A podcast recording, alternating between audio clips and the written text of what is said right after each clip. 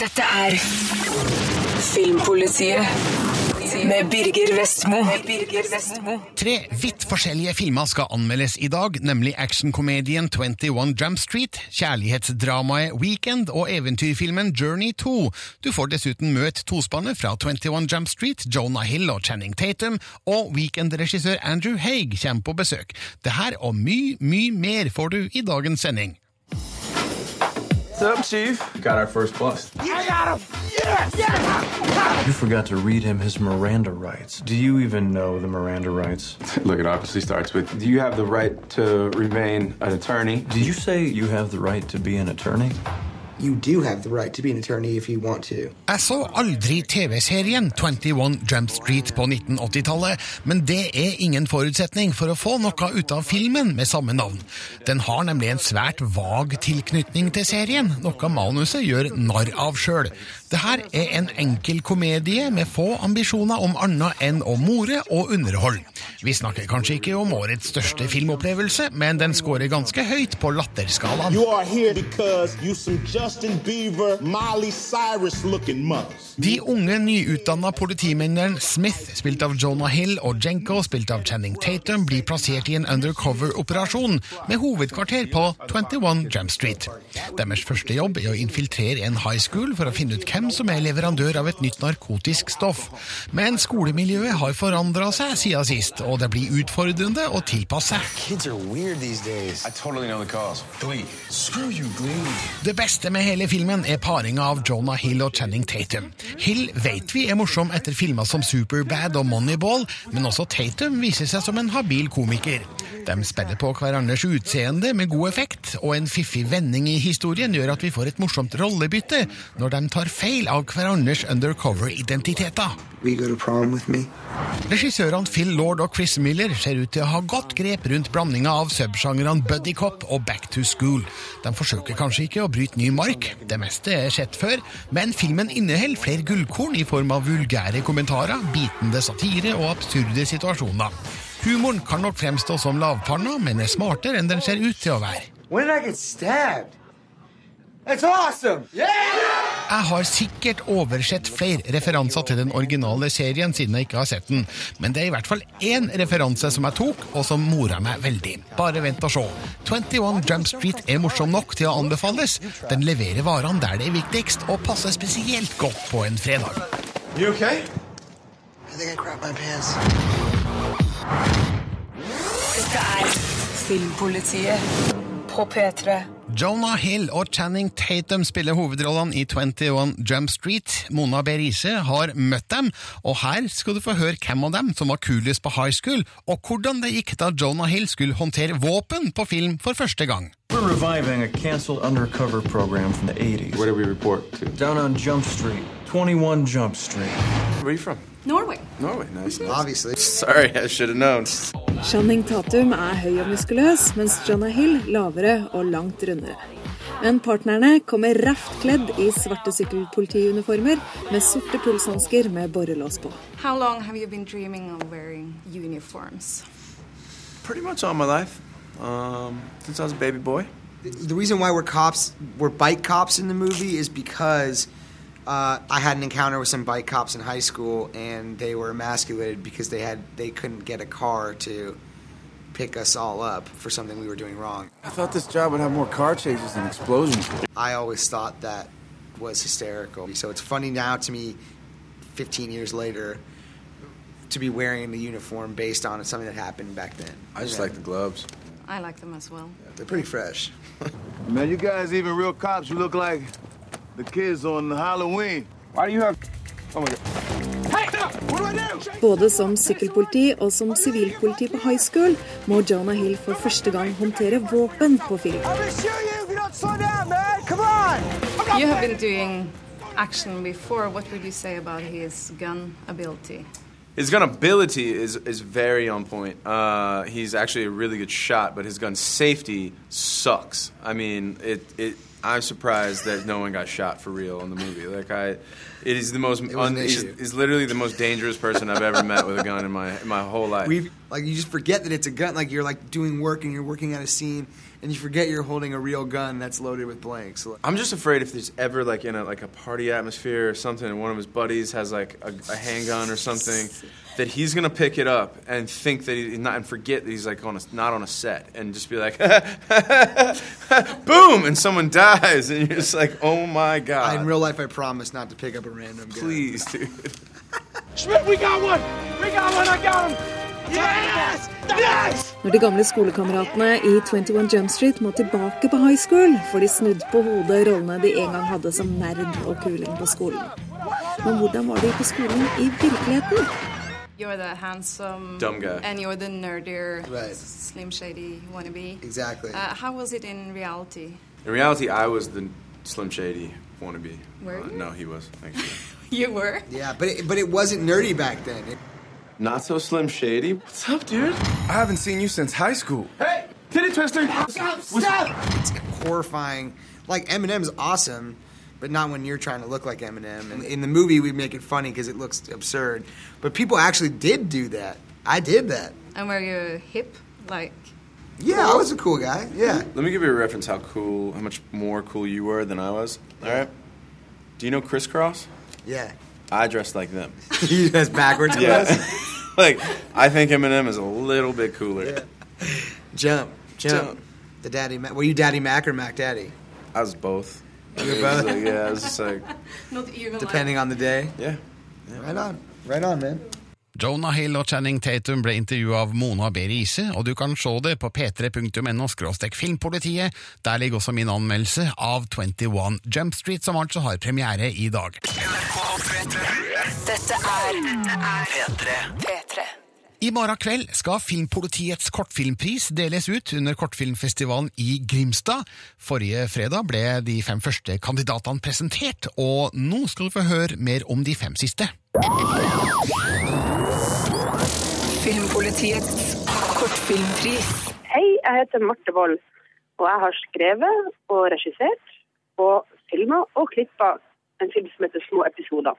Filmen handler om eh, et par i midten av 30-åra som eh, krangler. De eh, diskuterer små, uviktige ting når de egentlig burde snakke om de store, viktige tingene som de er uenige i. Men eh, det er en slags relasjonell komikk som oppstår mellom disse menneskene. Hva du mener med at alle ringer mor? Jeg ringer min mor mye oftere enn du ringer din. Din er død. Ja, nettopp. Ja. Da slipper for du å ringe og forstyrre midt i en kabal. Den filmen her var veldig morsom å lage fordi det var et så lite team når vi var på innspilling. Så alt sklei veldig enkelt og lett. Min utfordring var jo å klare å ha foto og være B-fotograf, altså dra fokus, jobbe håndholdt, gå etter skuespillerne, være med og frame hele tida, og samtidig skulle klare å gi regi etter hver tagning. Eh, det var to tanker i hodet som ikke lot seg helt kombinere, syns jeg. Men eh, det gjorde jo på en måte at man prioriterte de viktigste, de viktigste tingene. De huska men, og de uviktige småpilker som man driver og kanskje ofte bruker unødvendig med tid på. Det, det ble ikke gjort noe med. Og det er med i filmen, og det syns jeg gjør seg. Det var det jeg visste. Du knuller sikkert alle på jobben din også. Fittehore. Ja. Hvis du vil vite det, så gjør jeg faktisk det. Jeg har til og med knulla hunden min. Filmpolitiets kortfilmpris. Hei, mitt navn er Even Hafner. Jeg er regissør for kortfilmen Det norske språk. Det norske språk er en kortfilm som omhandler eh, rettskrivingsreformer, eh, sadomasochisme og Sylfest Lomheim.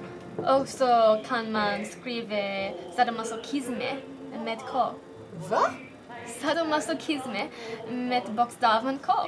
Det er en uh, liten kommentar til uh, hvordan man ofte i Norge bruker veldig, legger, legger veldig mye vekt på små, små detaljer og bagateller, og unnlater å, å se det store bildet på seg. Skal vi være en global A-klasse for økonomisk og kulturell fordel, er det viktig å bevare språket. Det som inspirerte meg til å lage denne filmen, det var rett og slett det at eh, jeg har en belgisk venn som begynte å lese en av mine norske bøker.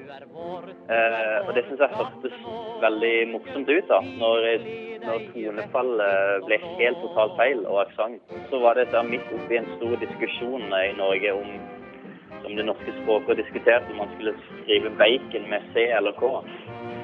Og da tenkte jeg at det var litt, en veldig sånn snever diskusjon da, med tanke på, på en måte den norske identitet og norske folkesjelen som i dag er i en stor endring. Det er ikke så lett i dag å si hva som er den norske identiteten.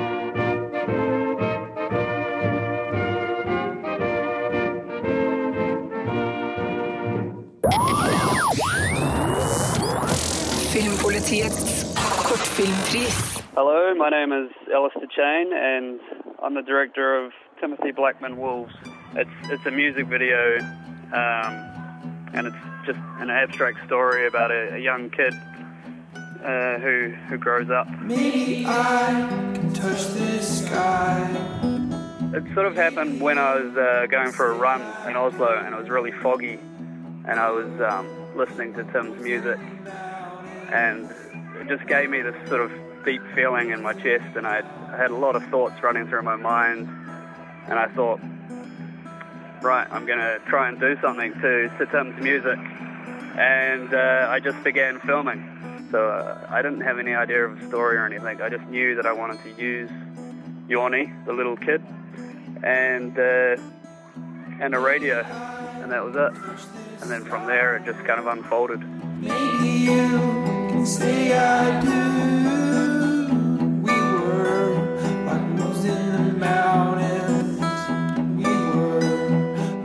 uh, movie is filmed in Lofoten. It's quite something to at least uh, to come from New Zealand and to travel that far above the Arctic Circle and things like that. And so I figured I should I should do it while I'm I'm living in Oslo. It would be uh, a shame not to go up there and see that landscape because it's very very odd, and strange, and uh, I like I like that kind of isolated feeling of the place.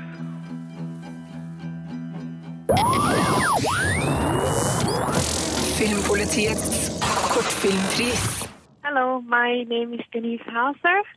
Um, I'm the director of Return to Sender, uh, which is a film about a lonely scientist living on the coast of Greenland, and she's looking for the perfect partner to keep her company. Fill in our online questionnaire today, and we determine the perfect match for you. You choose your dream partner's look, nationality, language, and even dialect. I started make, writing this uh, story just after moving to Norway. When I found out that it's, uh, there's a possibility to apply for funding to make films. And the story was uh, conceived from own experiences and from feelings and also from the things I, people I met and uh, the landscapes and yeah. So I came up with this story that was taking place in an environment that is quite cold and uh, lonely. And um, I developed a character, female main character, which is in this situation where she's looking yeah, for a partner to keep her company in this time. The whole story is basically about that you have to be happy yourself in order to make someone else happy. And also, um, yeah, it's not everyone needs to have a partner to be happy. So that's that's in the end when she she just basically finds herself instead of finding a partner.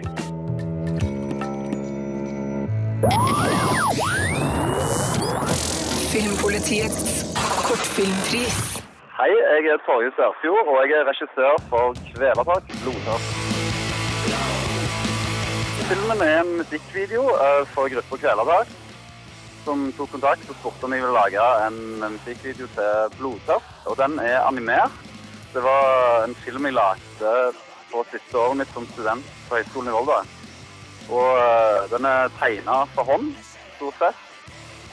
Eh, og kom fram til handling litt sånn sammen med bandet.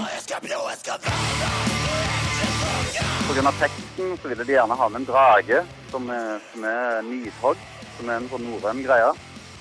Eh, og, og de har et litt sånn norrønt tema generelt, så vikinger uh, som filmen handler om, det, det kom litt sånn automatisk egentlig, og da ble det liksom å bare finne en måte å legge opp til, til en litt sånn actionfylt handling rundt vikinger og denne dragen, da. Og, og, og med fokus på liksom voldsomme hendelser og, og i det hele tatt bare få det til å, til å stemme sånn visuelt fint med sangen og, og variasjonene i den.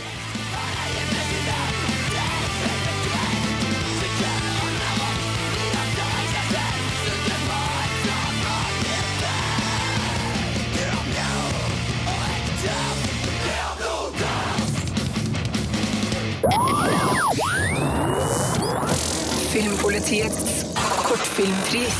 Ja, jeg er veldig spent på hvem som vinner Filmpolitiets kortfilmpris. Du har ennå noen timer igjen på deg til å være med og avgjøre utfallet.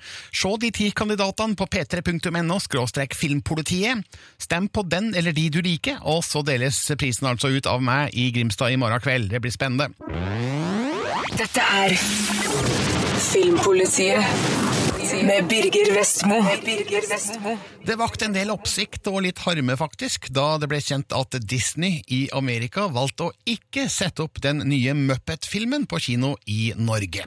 Men i neste uke kommer The Muppets på Blu-ray og DVD. Andreas Opsvik har sett filmen, og her er dommen.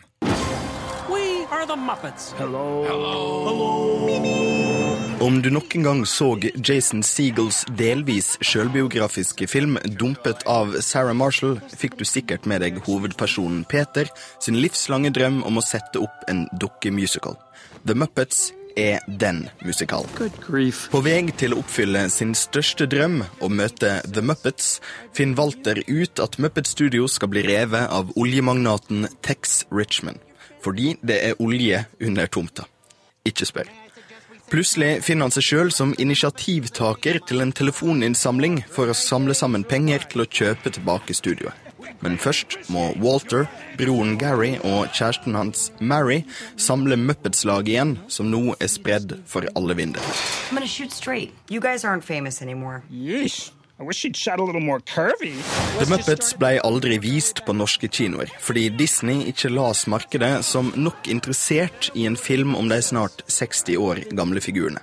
Det her er jo noe ironisk, ettersom filmen handler om at verden egentlig har glemt det her blåøyde og ukyniske universet. På samme måte som tidligere er figurene veldig klar over at det er på en skjerm, og metakommentarene florerer. Sjøl er jeg storveges fan av slik humor, og det kan bli litt enkelte tider, men jeg ler godt når Fossi omtaler en eksplosjon som for stor for budsjettet vårt. Wow, that was an expensive looking explosion. I can't believe we had that in the budget. Historia roper tilbake til 80- og 90-tallets enkle underholdningsfilmer. Å nei, vi må plutselig tjene penger for å redde noe. Er så grundig gjennomkjørt at det er vanskelig å tjene nye poeng på det. Og dessverre kom ikke Muppet seg helt opp fra smørja. Det er en hårfin balanse mellom leiken parodi og klisjeer, og filmen faller et par ganger for masse over på feil side. Men til gjengjeld, der Muppets treff, treffer den så herlig fantastisk bra. De plassene filmen overrasker med glimrende innsikt i filmgrep og industri, ender den opp med verdens mest koselige spissformulering. Is this movie in 3D? Nope. The Muppets are as one-dimensional as they've always been. Watch! Til tross for et litt trått manus hadde flere reboots og nyskapinger av eldre figurer blitt lagd med så mye kjærlighet som The Muppets, så hadde det vært mildere for hjertet å være nostalgiker. For å illustrere, hvis jeg hadde visst at den kommende Turtles-filmen hadde vært laga med denne mengden entusiasme, så hadde jeg sovet bedre om nettene. Mykje, mykje bedre. Hvorfor den ikke fikk kinovisning er egentlig litt uforståelig. The Muppets er halvannen time i et herlig optimistisk univers. En verden utelukkende bestående av happy endings, blotta for kynisme, og ikke minst med koselige låter innimellom.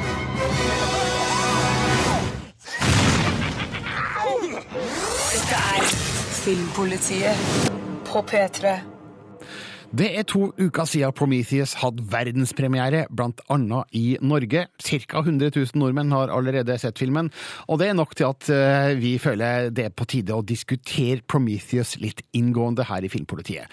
Derfor har jeg fått med meg Rune Haakonsen, Andreas Opsvik og Marte Hedenstad. Hei. Hallo. Hallo. Dere har selvfølgelig også sett Prometheus for lengst. Ja. For lengst, selvfølgelig. Min anmeldelse på nett den tyder jo på at eh, jeg likte filmen veldig godt, utstyrt med terningkast fem og veldig mange rosende ord. Men ettersom de to ukene nå har gått, så har filmen kverna mer i hodet mitt, og jeg innser at det er jo ikke alt med Prometheus som er like bra. Er dere enige her? Ja, og det er noe som har kommet eh, sterkere fram jo mer tid har gått etter jeg så den. Ja. Eh, Altså, det er en film som krever at du, du tenker litt på, på, hva, på hva du ser, og, og hva den formidler. Um, så jeg må si meg enig i det, at den har, den har opptatt uh, usedvanlig mye hjernekapasitet de siste ukene hos meg. Nå må vi skynde oss å si at det vi nå skal diskutere, vil være fullspekka med spoilers. Ja, med avsløringer. Så kjære lytter, har du ennå ikke sett Prometheus, så ber jeg deg innstendig om å slå av, rett og slett, og slå på igjen om ca. ti minutters tid. Eh, Så altså, vi skal nå snakke om ting i Prometheus som du kanskje helst ikke bør høre hvis du ikke har sett filmen. Så OK? Hva var det som var dårlig med filmen? Har, har, de, har de slått av nå, tror du? Nå, nå er det slått ja, nå, nå, Ja, nå, ingen, av. ingen, ingen som ikke har sett Prometheus, eh, hører på dette nå. For dette, kjære lytter, fullt av spoilers i vente. Jeg vet ikke om jeg kan advare noe mye mer om det her, men OK. eh, eh, det, det er mange punkter å ta tak i, og vi rekker ikke over alle. Eh, Men vi må bare ta noen ved historien som jeg reagerer på. For det første, eh, hvorfor skulle disse skaperne av menneskeheten eh, legge igjen spor etter eh, hvor de kom fra? Hvis de, ja, for, her var jo tingen at De skulle jo tilbake og ødelegge menneskeheten. ikke sant? Jeg har en teori. Ja, Jeg har har en ja. teori. Fordi at, men det var ikke noe som gikk opp for meg da jeg så filmen. Det er sånn jeg har lest på forum videre etterpå. Fordi de sier jo at det, for ca. 2000 år siden, eh, det var da de skulle komme tilbake. Ja. Ikke sant? Og kanskje de da la igjen spor da de først på en måte var her, for at de ville bli tilbedt. Og for ca. 2000 år siden, hva var det som liksom skjedde da? Jesus! Og da kanskje de skjønte at å nei, folk vil ikke tilbe oss lenger, nå skal vi gå og ødelegge dem siden vi ikke er guder lenger. Altså litt sånn Litt far out, litt sånn. kristendomsparallell, altså. Kunne vært litt det.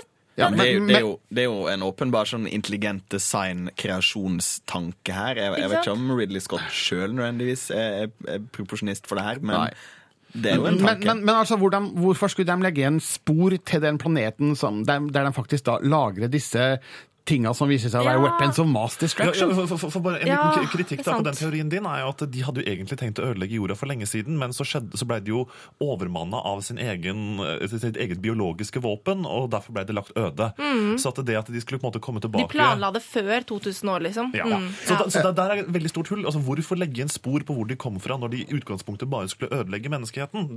Den er De ville bare messe med oss. De lekte med oss. Og eh, punkt eh, nummer to. Eh, disse forskerne drar altså da på en ekspedisjon som eh, vi må anta skulle vare i fire år, hvorav de ligger nedfrysende mesteparten av tida. Mm.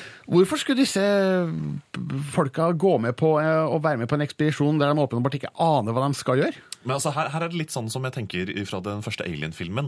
Altså, Der har du industriarbeidere som er på liksom en sånn Åh, vi må ut på reise på Mm. langtur. Ja, men det er ikke Ja, ja. to år, fire år på tur, men vi Ja, får masse penger rik. når vi kommer tilbake. Som så, Eh, som så reketråleren i Nordsjøen, liksom. ja, ja, på en bare måte at Hvis du først reiser bort for lang tid, og så kommer du tilbake og kan leve det gode livet, så akkurat den føler jeg er, den er grei. Men det jeg har lyst til å bare tenke på akkurat denne, når vi først er innom på de folka som er om bord på det skipet, de er jo ikke veldig vitenskapelige av seg. Det er ikke det. Nei, vi skal komme tilbake Ok, til det, men eh, det, det, det virker for meg at denne utvelgelsesprosessen av hvem som skal være med på denne trillionekspedisjonen, den er rimelig dårlig utført. Det burde, det- det burde vært litt teambuilding på forhånd, da, Ja. tenker jeg. Litt, Nei, litt, liksom. Det er en del shaky personligheter her som jeg ikke ville vært med på en sånn fireårsekspedisjon in outer space. Jeg, vil, jeg vil ikke ha tatt uh, danske ferja med deg, liksom. Ok, et nytt eh, punkt. eh, Disse menneskene om bord er altså da forskere. Eh, og når de kommer fram til denne planeten og finner denne strukturen og går inn, Mm. eh, hva er det som skjer da? Jo, man man tar av seg hjelmen. Fordi det altså det, det skal jo da vel merkes her at det er ikke alle som er forskere. Du har en geolog, du har en sikkerhetstype, du har liksom Ja, forskjellige typer men, mennesker. men ekspedisjonen har åpenbart ingen som helst sikkerhetsprotokoller for uh, møte med fremmede biologiske arter og Bortsett fra å klappe deg på hodet. Eller forsøke å Altså, klappe det er ingen forskere som noensinne ville oppført seg på den måten i, på en fremmed planet, Nei. selv om det var oksygen der. Og, og det, det, den uforsiktigheten de eh, viser i møte både sånn arkeolog altså Jeg tipper at arkeologer over det ganske land i Norge satt og reiv seg i huet når de bare går Her oppdager dere liksom, titusenvis av år gamle ruiner inn. og tramper inn. Og hallo, hva er det som skjer her? Ja. Den- Den var litt merkelig. Ja, altså. og eh, det, det er jo en scene her eh, der to ulykksalige forskere, eh, i hermetegn forskere, eh, etter å ha rømt fra eh, et eh, skummelt, skummelt eh, rom inni en struktur, eh, da går seg vill i det, Mm. dette komplekset som man jo da har eh, 3D-kart av. Ja, han sjøl har lagd kartet. Det er jo han som har gått seg som har laget- kartet. Ja. Uh, og eh, kapteinen om bord velger i stedet for å lose disse to ut av denne konstruksjonen, som han har et kart over, velger nå å ha seg med en Mm. dame om bord. Mm. Eh, don't buy it. I'm sorry. Og så uh, kjenner de tilbake til dette rommet, disse to ulykksalige, og det dukker opp en sånn ja, penislignende kreatur opp av denne svarte søla på gulvet, og ja, hva gjør man da? Jo, man prøver å klappe det på hodet. En, en, en kobra med, med en vagina som ansikt. Ja, ja. Nei, men for en søt liten sak, denne må vi kjæle litt med. Altså, don't buy it for a second. Det er dårlige greier. Altså, det føyer seg inn da i en lang rekke av usannsynligheter. Altså, jeg vet at det her er science fiction, og ja, er- troverdigheten er vel så som så på, på det feltet, men altså, satt i det universet, så burde disse figurene og disse situasjonene vært skrevet så utrolig mye bedre. Ja, det, det må jeg si meg ganske så enig. Eh, Det, det er eh, en rekke ting med denne filmen som kunne vært fjerna. Altså, hvis man hadde vært litt hard med klippesaksa, på en måte tatt vekk en del av disse måte, åpenbare feilene, så ville filmen hatt et helt annet vi si, et hel- en helt annen følelse av å se. For da hadde man på en måte ikke tenkt over disse mm, skal si, åpenbare logiske bristene i etterkant. Så, etterkant. så jeg er veldig overbevist om at en litt hard omgang med klippesaksa ville ført til en ganske bedre film. altså. Det er, liksom, det er noen steder hvor det er logiske brister, mens det er andre ganger hvor de overforklarer ting. Sånn Ja. som for eksempel det forferdelige øyeblikket da Charlize Theron bare sier Fader! Bare, det var sånn, man, det, var det, ja, det skjønte jeg for en og en halv time siden, på en måte. Ja. Og, det, var helt krise, syns jeg. Og, eh, det bringer oss over på Charles Wayland, altså, som er da den eh, store trillionæren bak eh, denne ferden, og som Mm. av en eller annen mystisk grunn har sett det beleilig å fake sin egen død og gjemme seg om bord. Altså, hvorfor gjør han det? Det makes no sense. Han ville møte sin egen skaper. Ja, men, altså, han ville jo ha evig liv. Så Ja. den, den synes jeg er grei. Ja, men, nei, men hvorfor fake sin egen død og gjemme seg om bord? Han, han er jo sjefen. Altså, han, han har jo finansiert hele greia. Men det må jo være for å ikke skape oppstyr rundt sin egen person, tenkte jeg. Så akkurat den, den biten kjøpte jeg helt greit. At han, han ville forsvinne fra jorden for å så møte sin skaper, og kanskje så for seg et slags sånn evig liv sammen med skaperne av menneskeheten, og at han skulle ta plass sammen med de. Jeg, ja, jeg skjønner argumentasjonen din, Rune, men jeg er jo ikke helt enig. Jeg forstår ikke hvorfor han følte seg nødt til å liksom eh, fornekte sin egen eksistens. Altså gjemme seg om bord og late som han ikke lever. Og så, å, så lever han likevel, og så hvilke implikasjoner får det? Nei, det får faktisk ingen. Altså, det, det, det at han levde, det skjønte jeg allerede når Det de fikk skjønte man jo med en gang. mission briefinga i starten. Ja. Altså, sånn, å ja, selvfølgelig, Men- han kom jo tilbake. Og så, og så, hvorfor spilles han av Guy Pearce i gammel makeup? Og Ja, hvorfor, hvorfor, ikke, hvorfor ikke hyre en 90-åring til å spille Charles Whalen uten makeup? Av alle merkelige ting, så når jeg så han, uh, den gamle mannen altså, uh, figuren der, så tenkte jeg på han gamle kisen i The Big Lebowski. og, og det ødela litt rann uh, for meg.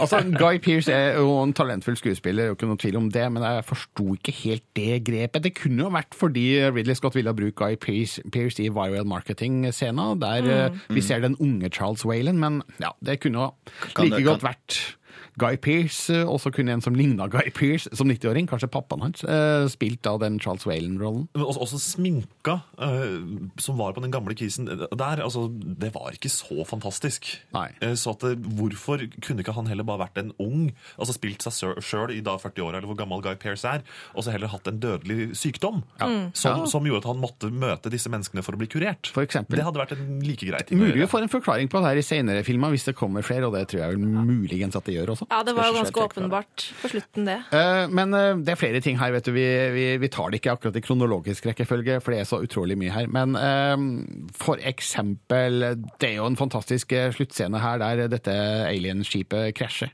og, og, og, og det begynner å rulle. Og Charlize Theron Ja, springer i skipets rulleretning. Å, Gud bedre. så frustrerende! Hvorfor løper hun ikke Det er bare sånn en meter til siden? Ja, og så plutselig ser nummeret og pass bare sånn Å ja, men jeg kan jo bare rulle meg til sida. og så løper hun. ah, splatt. Og eh, det er jo nesten litt eh, ufrivillig komisk. eh, Det, det, hele er litt sånn, det er litt sånn. Bippe Stankelbein-aktig. Bare sånn, du, du ser den store tingen komme mot deg, og så Da springer jeg i den retningen der jeg er sikker på å bli knust. Ødelagt fullstendig. Ja. Og eh, Noomi Rapace overlever jo selvfølgelig, selv om denne strukturen som må veie 3000 tonn, Mm, ramler knuser en r- r- rett oppå hun. Og oppå en stein, hun ligger Men oppå en liten stein, da. talt, en liten Ja, stein. Ja, hun ligger, ligger under en liten stein, så da skjønner vi jo Der går det jo. Nei, um, vi kunne ha tatt opp mange, mange flere elementer her, men eh, det, det får heller ligge, fordi Sjøl om det er flere spørsmålstegn her, sjøl om det er mange elementer med Prometheus som eh, jeg ikke syns er bra, så syns jeg fremdeles filmen var veldig bra. Ja, ja, men det, det, det er liksom det viktige å poengtere etter at vi nå har brukt ti minutter på å rakke litt ned på alle de logiske bristene. For det var en, en, en kinoopplevelse jeg satte veldig pris på, som, som, som, som tok meg med til et sånt fantasi-science fiction-univers. Og, og jeg, jeg kjøpte det. Jeg, lot meg, jeg levde meg inn i det.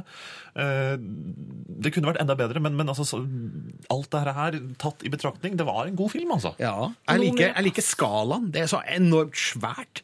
Altså, Scopen i bildet er jo helt eh, fantastisk, og det er, på en, det er på et nivå som svært få tør eh, eller kan lage lenger. Mm. Eh, og det betyr også at filmen har kosta uhorvelig mye penger, og der tror jeg vi har forklaringa på hvorfor filmen utvikler seg til å bli en litt sånn, sånn vanlig sci-fi-blockbuster-sommerfilm. Ja, nå leser jeg på Wikipedia her at de regner med at den kosta mellom 120 og 130 millioner dollar. Med nesten at alt også ble filma på sett. Og det gjør jo at filmen ser fantastisk ut. At det Mm. ikke bare er CGI over hele linja. Men, men da eh, har vi også litt forklaringer på hvorfor dette ikke er en skal vi si, direkte kloning av Alien. Fordi jeg tror en film som Alien ville ikke Ridley Scott fått lov til å lage i dag. Ja, det tror jeg er rett. Han, han er nødt til å henvende seg til en, en bred gruppe kinogjengere for å få lov til å bruke så mye penger på én film. Og det gjør nok at Prometheus har fått eh, en helt annen form og farge og innhold da, enn eh, Alien f.eks. hadde. Men nå har jo Ridley Scott også gått hardt ut og sagt at dette ikke er en eh, Alien-film. Men, det syns jeg var litt rart å si. ja, det er jo altså, fordi- egentlig en direkte forløper, når, faktisk. når, vi, når vi ser filmen, så er jo den fullspekka av referanser til Alien, og det var inne på i anmeldelsen min òg, at det, det er ikke nødvendig å ha så mange frampek til Alien. Altså, det er jo til og med dialog som går igjen her, som er liksom sånn Mm. kopi av eh, Alien-dialog. Du har personligheter som er eh, veldig lik de vi så i Alien, f.eks. de to eh, gutta på gulvet som krangler Mm. om penger. og og vi har eh, den avslutningsmonologen til Nomi Rapaz sin figur, som er veldig Sigourney Weaver-esk. Og i hele tatt, jeg, jeg følte ikke at det var nødvendig å putte inn så mye vink til oss Alien-fansen da, og si at hei, hei, vi, vi vet at dere også har sett filmen. Jeg må si at Akkurat når den monologen kom der, da, da fikk jeg gåsehud. altså. Den, den satte jeg veldig pris på. Gjorde du? Jeg gjorde Ja vel, ja, men ja, da jeg fnisa litt. It must be because you're a Jeg syns- robot. Jeg synes det var litt lættis. It must be because you're a robot. Ja, men eh, tenker du nå på den eh, This is a, uh, Elizabeth Shaw, last survivor of Å the ja, ja, det- den, ja. ja. Ok, ok. Ja. Ja. Jeg snakker Jeg trodde du mente når han snakka til hodet til, eh, til den godeste David.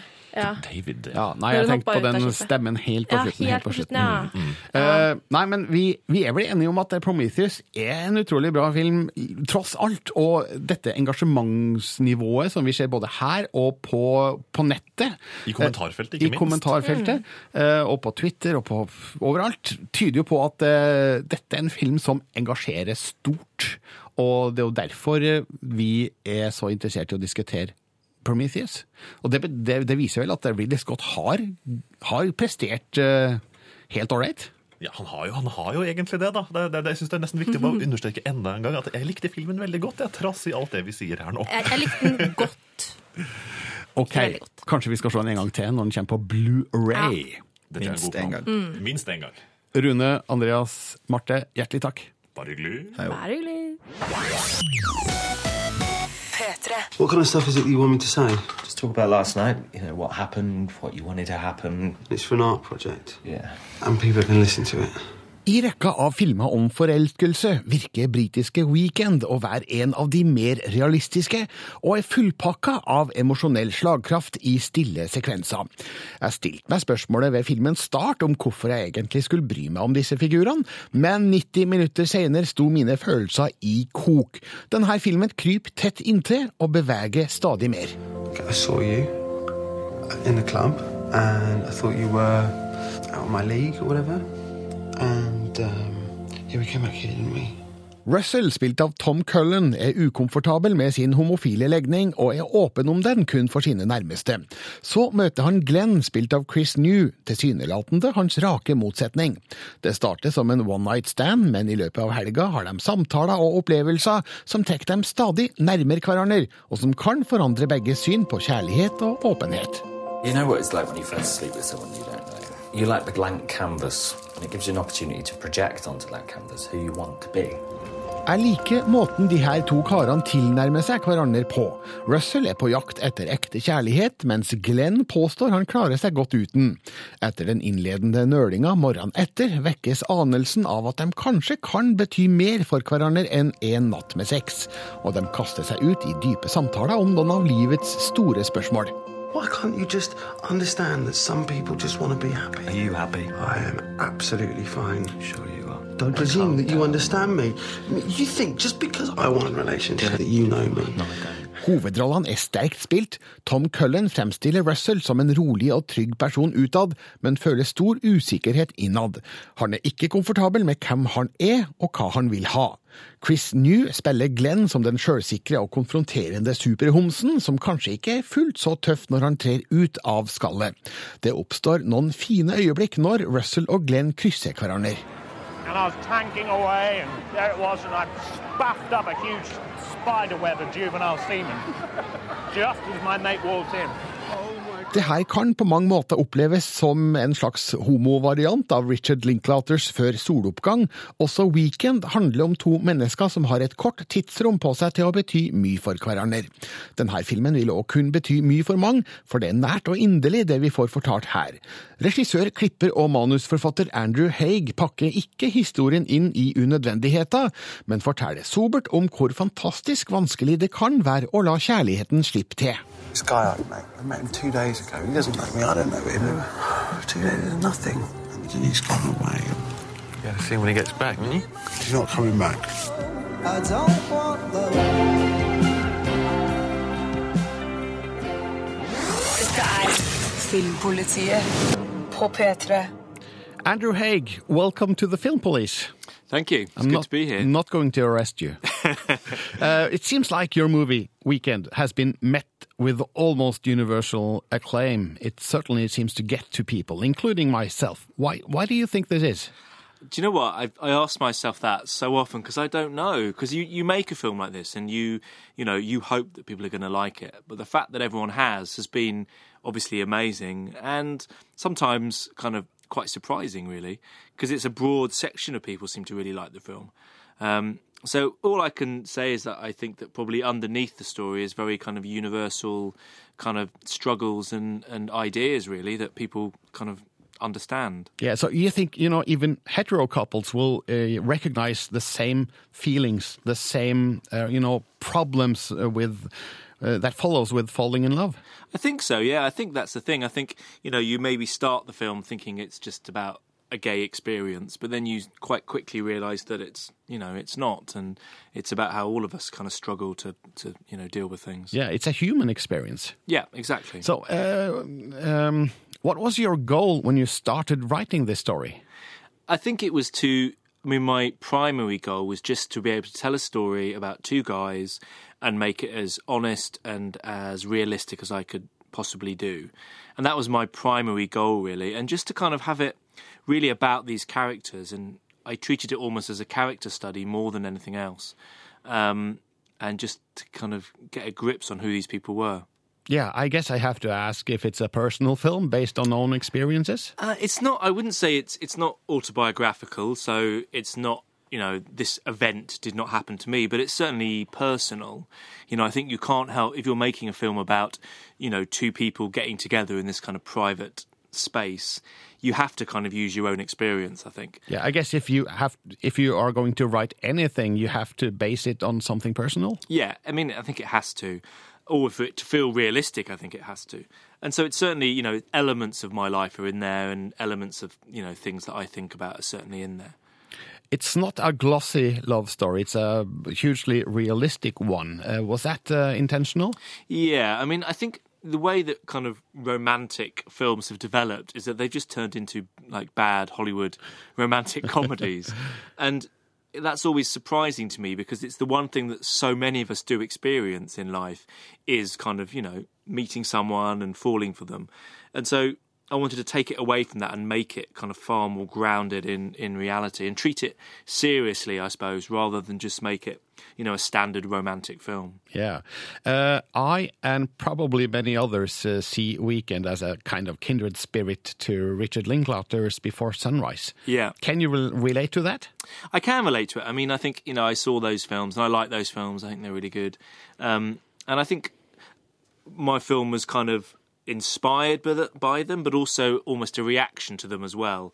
So it was kind of turning it on its head a bit and making it even more realistic. And you know, they're in a rundown, or not a rundown, but they're in like a provincial town in England rather than walking through Paris and Vienna.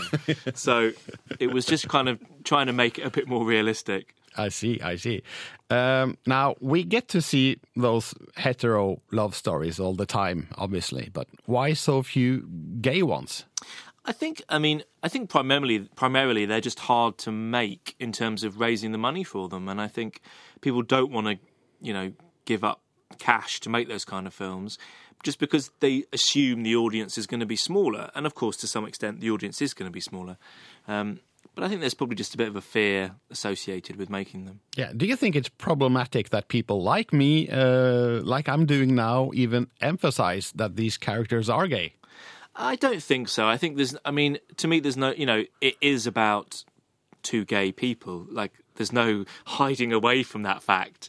Um, and you know, I'm not embarrassed by that. And No. it is about two men, so it's almost like I don't mind that becoming part of the story. And people worry a lot about is it a gay movie or is it not a gay movie and all that kind of thing. And I just lead it lead it up to leave it up to the kind of the audience to decide that. I think. There's another aspect of Weekend I want to discuss with you. Uh, besides being a very truthful love story, we also see these two men doing a lot of drugs, also present in your previous film, Greek Pete. Why is that part of part of your stories? Yeah, it's funny. I because you know it's not necessarily part of my life, but it's just it's it it for those two stories it kind of fitted that world. I mean, my first film, drugs is without a doubt all over that kind of scene, so it made sense. And in England and in Britain, we do have a culture of kind of binge drinking and drug taking. And you know, for these people in their mid, you know, to late twenties, it is would be part of their lives. Um, so it's not that I think it's necessarily a good thing or necessarily a problem. I think it's just part of that world. Um, and to me, they're not, you know, it is just over a weekend. But I suppose when you watch it as an audience, you think, oh my God, they're taking so many drugs. But to me, they're just having this weekend and they happen to be taking a fair amount of drugs. Now, a lot of the movie's um, success uh, is because of you, of course, but also because of the wonderful actors you found. Um, Tom Cullen and Chris New, which is absolutely uh, marvelous. How did you find them? Yeah, I had a very kind of traditional casting process and saw a lot of people, but I was always really nervous about it because, you know, the film rests on their shoulders. Um, and if they weren't good enough, the film would be no good. And so it was about finding people that had some kind of chemistry with each other. And when I saw these two in a room together and I got them to improvise some things and go through the script, and there was just a chemistry between them that was really interesting. Um, and I kind of knew that that would come across on screen as kind of romantic chemistry. And they play um, very different characters. Well, initially they are they seem very different, but in the end we see they basically share the same hope and dreams. Yeah, exactly. And that, I think that's what it was. That's really what I wanted it to be. It's like underneath, everyone pretty much has the same hopes and dreams, but they just go about it in different ways. And these were two people that went about it in different ways. But, you know, fundamentally, they want similar things. So is the moral of the story, you know, basically everybody needs love? Is it that simple? I think it's every not only well, I don't know if it's if everyone needs love. I think everyone just needs to know what they want from their life. I think that's almost the most important thing. So it's not just about love. It's like everyone should be open with who they are, and everyone should do what they really want to do out of life. Um, so I think it's more of a general theme of just try and live honestly.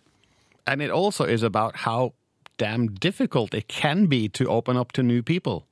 Yeah, definitely. And I think it is hard. And, you know, especially if you're trying to be honest with someone, that's a very difficult thing. And I think as you get older, it becomes increasingly difficult because you have more kind of baggage and more past to bring around with you. So, is uh, Greek Pete and now Weekend uh, representable for the kind of movies you would like to do in the future?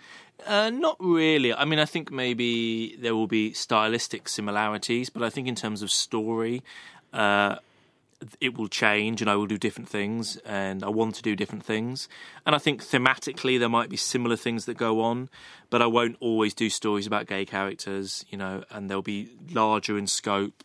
Um, so it's it's funny how you can become defined quite quickly by making certain types of films. So it's important for me to kind of change that and do different things. Has Weekend helped? Has it opened doors for you?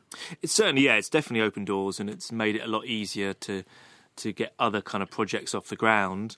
But it adds its own kind of pressures because when a film does well, you then it's quite nerve wracking, like to you know approach the next film. Um, uh, now, before this, before your two movies, you have been doing several short films, uh, but but you have also been um, an assistant editor, uh, among other things, on three Ridley Scott movies: Gladiator, Black Hawk Down, and Kingdom of Heaven, which is pretty huge stuff. Uh, how did that prepare you for directing Weekend? I don't know if it prepared me at all, really. All it did was kind of make me think I don't want to make films like that. okay. No, they're good films, but it's like they're so big. You know, they're just like these monsters, you know, and they cost $200 million and there's 5,000 people working on them. And, you know, I think I'm interested in more intimate stories and smaller stories. Um, and I suppose different methods of making a film. Um, I don't particularly want to make a film with 200 crew members, you know, standing around. Um, so, but it's all in, it's been an interesting process working on those films, just to see how decisions are made. But on this one, on Weekend, you are uh, the editor, not an assistant. You Yeah. are the editor. But directing and editing at the same time, uh, who's going to argue with you? I just argue with myself. it's just like I sit in a room and just fight with myself about what's right. Yeah, but you, you, you lose that, um, you know, create. Uh, how do you say that in English? Yeah, that kind of like uh, collaborative, creative. Yeah. yeah, you do lose that. But I think for me, writing, directing, and editing is all just pretty much the same thing. It's telling the story. And so it makes sense for me to do all three of those jobs because I just see editing comes out of the directing and the directing comes out of the writing. And I think it'd be quite hard for me to give up the editing process. I think if I do ever have an editor, it's going to be a hard job for him. There'll be me pushing him off the keyboard, trying to have a go. So I feel sorry for whoever gets to do it. So today, weekend opens uh, in in Norway. Uh, are you finished with this film now, or are you still going on the road with it? I think this is about it. This is my last my last stop. I think, um, which is good because you need to move on at some point. From Yeah. It. Uh, but no, it, it's it's great for me that it's being shown in you know around the world. So it's a good thing. Do you have uh, specific plans for what you're going to do next? I have kind of a few plans for stuff, and there's things I'm writing, but it's kind of sort of early days about what comes first. So I kind of like keep it secret until it's actually out. Well, after seeing Weekend, I most certainly want to see more of what you're capable of. Thank you. So, Andrew Haig, thank you for coming to the Film Police. Thank you very much. And good luck with the Norwegian opening. Thank you. Cheers. Dette er Filmpolitiet med Birger Vestmo. Birger Vestmo. Det drar seg til i Filmpolitiets kåring Verdens beste superhelt. I dag skal vi avsløre resultatene i første halvdel av åttendedelsfinalene. Jeg kjenner at eh, nå er jeg veldig spent på hva som eh, har skjedd her. Marte Hedenstad, Martin Aas og Andreas Opsvik er her i studio. Hei, hei. Hei, hei. Ja, hvem av dere er det som har resultatene, egentlig?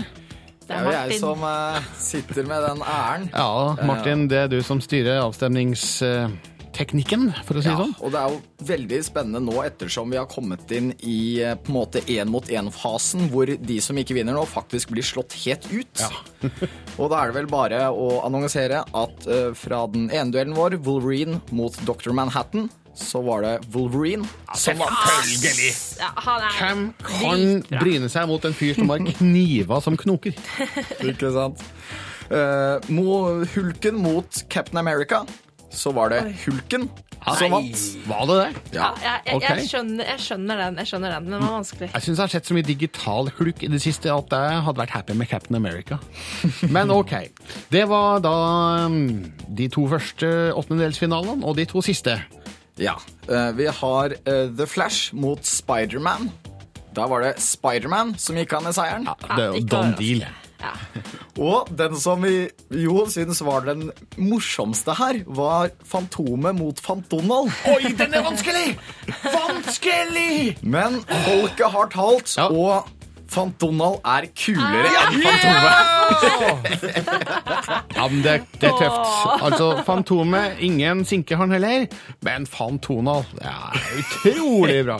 Veldig godt fornøyd med disse resultatene her. Så de går da videre til Kvartfinalen. Ja. Men hvem skal de møte? Det skal jo avgjøres fra nå av og utover. Ja, fordi eh, den andre halvdelen av åttendelsfinalen har begynt nå og går en uke framover. Og Hmm. de vi møter der, er da Batman, som skal slåss mot Rorschach. Oi! Eh, Ja, ja, ja. Vinner lett. Ja, det Iron Man vil vel tida vise. Uh, Iron Man skal slåss mot Professor Xavier. Ja, den er er vanskelig. Ja. Uh, Vi har Supermann mot Blade. Ja, det skal ja, vel godt Supermann vinner jo selvfølgelig. Ja, Det skal godt gjøres at Blade Og så har vi nok en supermorsom superheltcup. Eh, og det er rett og slett Tordenguden Thor mot Superlangbein. Ok, Har Thor superpeanøtter? Han har vel bare Mjølner, Ja, egentlig. det er Mjølner, Men han har, han har jo en hammer til å knekke peanøttene for har han. superlangbein. Det, det har han faktisk. Da. Mm. Men knekker superlangbein egentlig nøttene? Tar han ikke bare og hiver dem inn i kjeften og, og spiser? kanskje egentlig kanskje med skallet som er greia. Tror han gjør, men hvis da Thor klarer å knuse med, Kaste Mjølner, knuse nøttene til langbein før han blir superlangbein. Ja, det er, det er lov å si. Men. Men eh, dette er good shit, altså. Nå har vi avslørt hvem som går videre til kvartfinalen i Verdens beste superhelt, og hvem som skal møte dem der. Det er det du, kjære lytter, som bestemmer. Gå inn på p3.no skråstrek filmpolitiet og stem i vei på verdens beste superhelt. Du hører på P3. Journey to the Center of the Earth gikk på kino i 2008. Med Brendan Fraser i hovedrollen. Den har du kanskje glemt. Nå kommer like fullt oppfølgeren. Journey 2, Den mystiske øya, har premiere i dag. Ikke med Brendan Fraser, men med The Rock. Andreas Opsvik anmelder. Here's the deal. A few nights radio signal got sent out.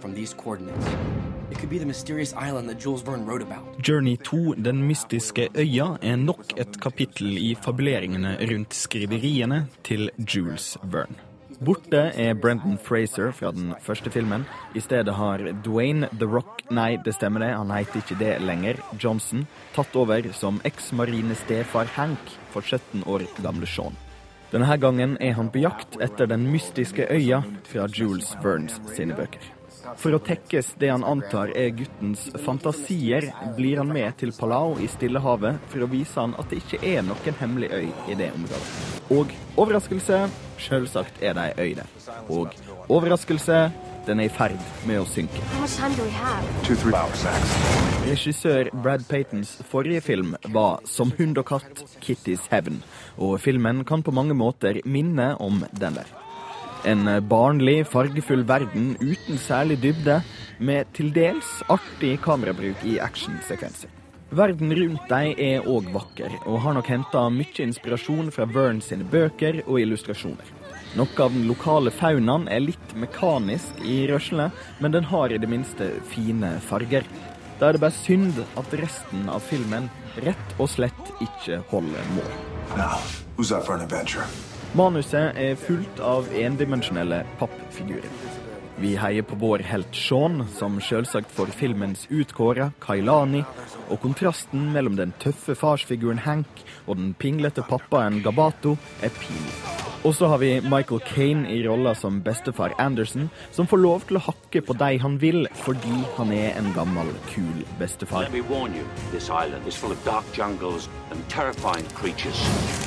Journey 2 er en sånn film folk snakker om når de nevner filmer som hovedsakelig bruker 3D-en til å kaste ting mot deg i salen.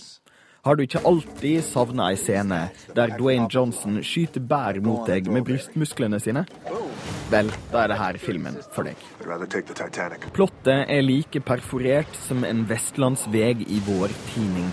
Jeg skal ikke sitte her og late som om det er imponerende å finne alle de logiske bristene i en barnefilm, men når en film har et så åpenbart fokus på vitenskap, i alt fra øybiologi til tektoniske plater, så syns jeg at de kunne hatt en litt mer belegg for det som hender i filmen.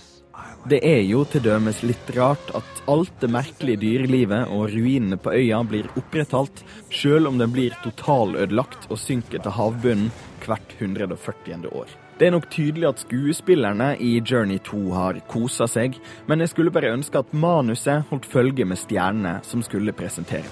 I stedet har vi fått et platt manus med fargesprakende presentasjon. Artig for ungene? Kanskje. Men ellers er det en middelmådig filmopplevelse.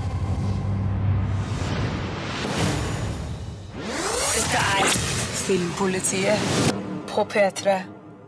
Du hører nå en podkast fra NRK P3. Hent flere podkaster fra NRK på nettsiden nrk.no podkast. NRK P3.